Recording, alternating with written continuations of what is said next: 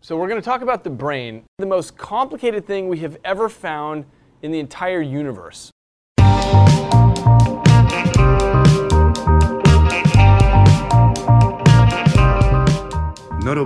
Sunar.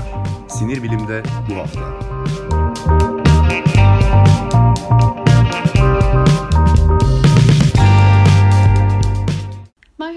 Ben Zerrin Şengül. Nöroblog ekibi tarafından hazırlanan Sinir Bilim'de bu hafta programına hoş geldiniz. İşte haftanın sinir bilim haberleri.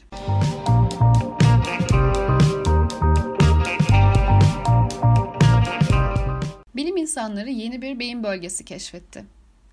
Endorestiform nükleus adı verilen ve beyin ile omurilik arasındaki geçiş alanında bulunan yeni beyin bölgesinin sadece insanlarda bulunduğu tespit edildi.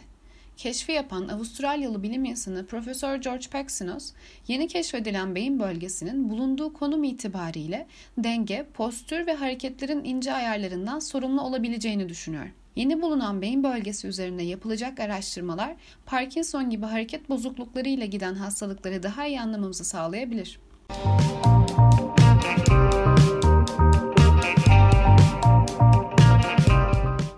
10,5 Tesla gücündeki ilk MR makineleri klinik kullanım için onay aldı. Dünyanın en gelişmiş MR makinesini üreten grubun başında Türkiye'li bir bilim insanı Profesör Doktor Kamil Uğurbil bulunuyor.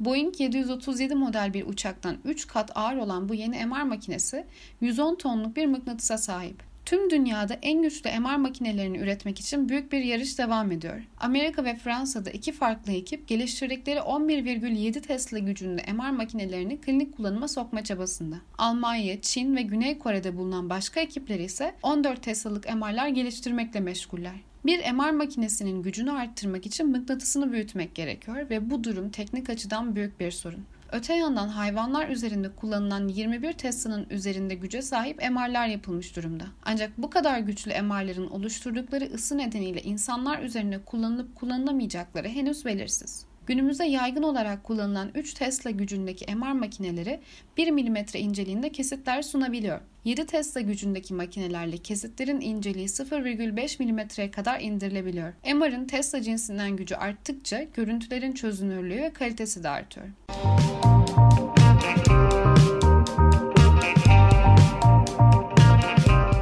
Dost musun, düşman mı? Hipokampüsün sosyal hafızadan sorumlu CA2 bölgesinin aynı zamanda saldırganlık gibi içgüdüsel davranışları tetiklediği keşfedildi. Araştırmaya göre bu beyin bölgesi bir hayvanın yabancı bir davetsiz misafiri görmesi halinde ona karşı dostça ya da düşmanca davranma kararını vermesinde kritik önemde.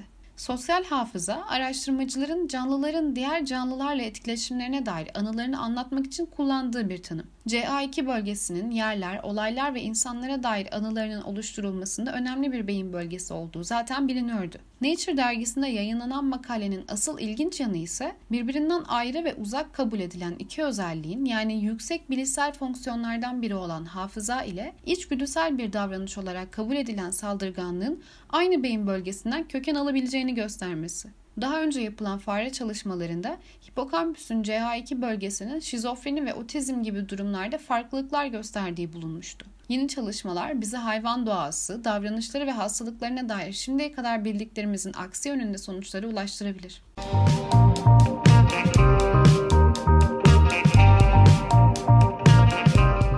Dünyanın en mikro mikro cerrahisi başarıyla gerçekleştirildi.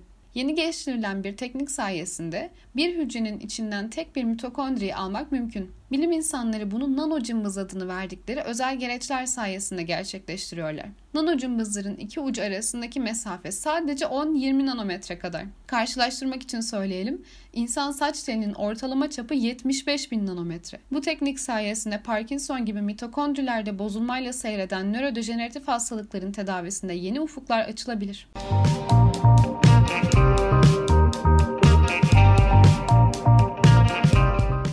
Nöroblog'a Twitter, YouTube, Spotify, SoundCloud, Apple iTunes Podcast'ler, Android Stitcher Radio, Facebook ve elbette nöroblog.net üzerinden ulaşabilirsiniz. Sinir bilim herkes içindir.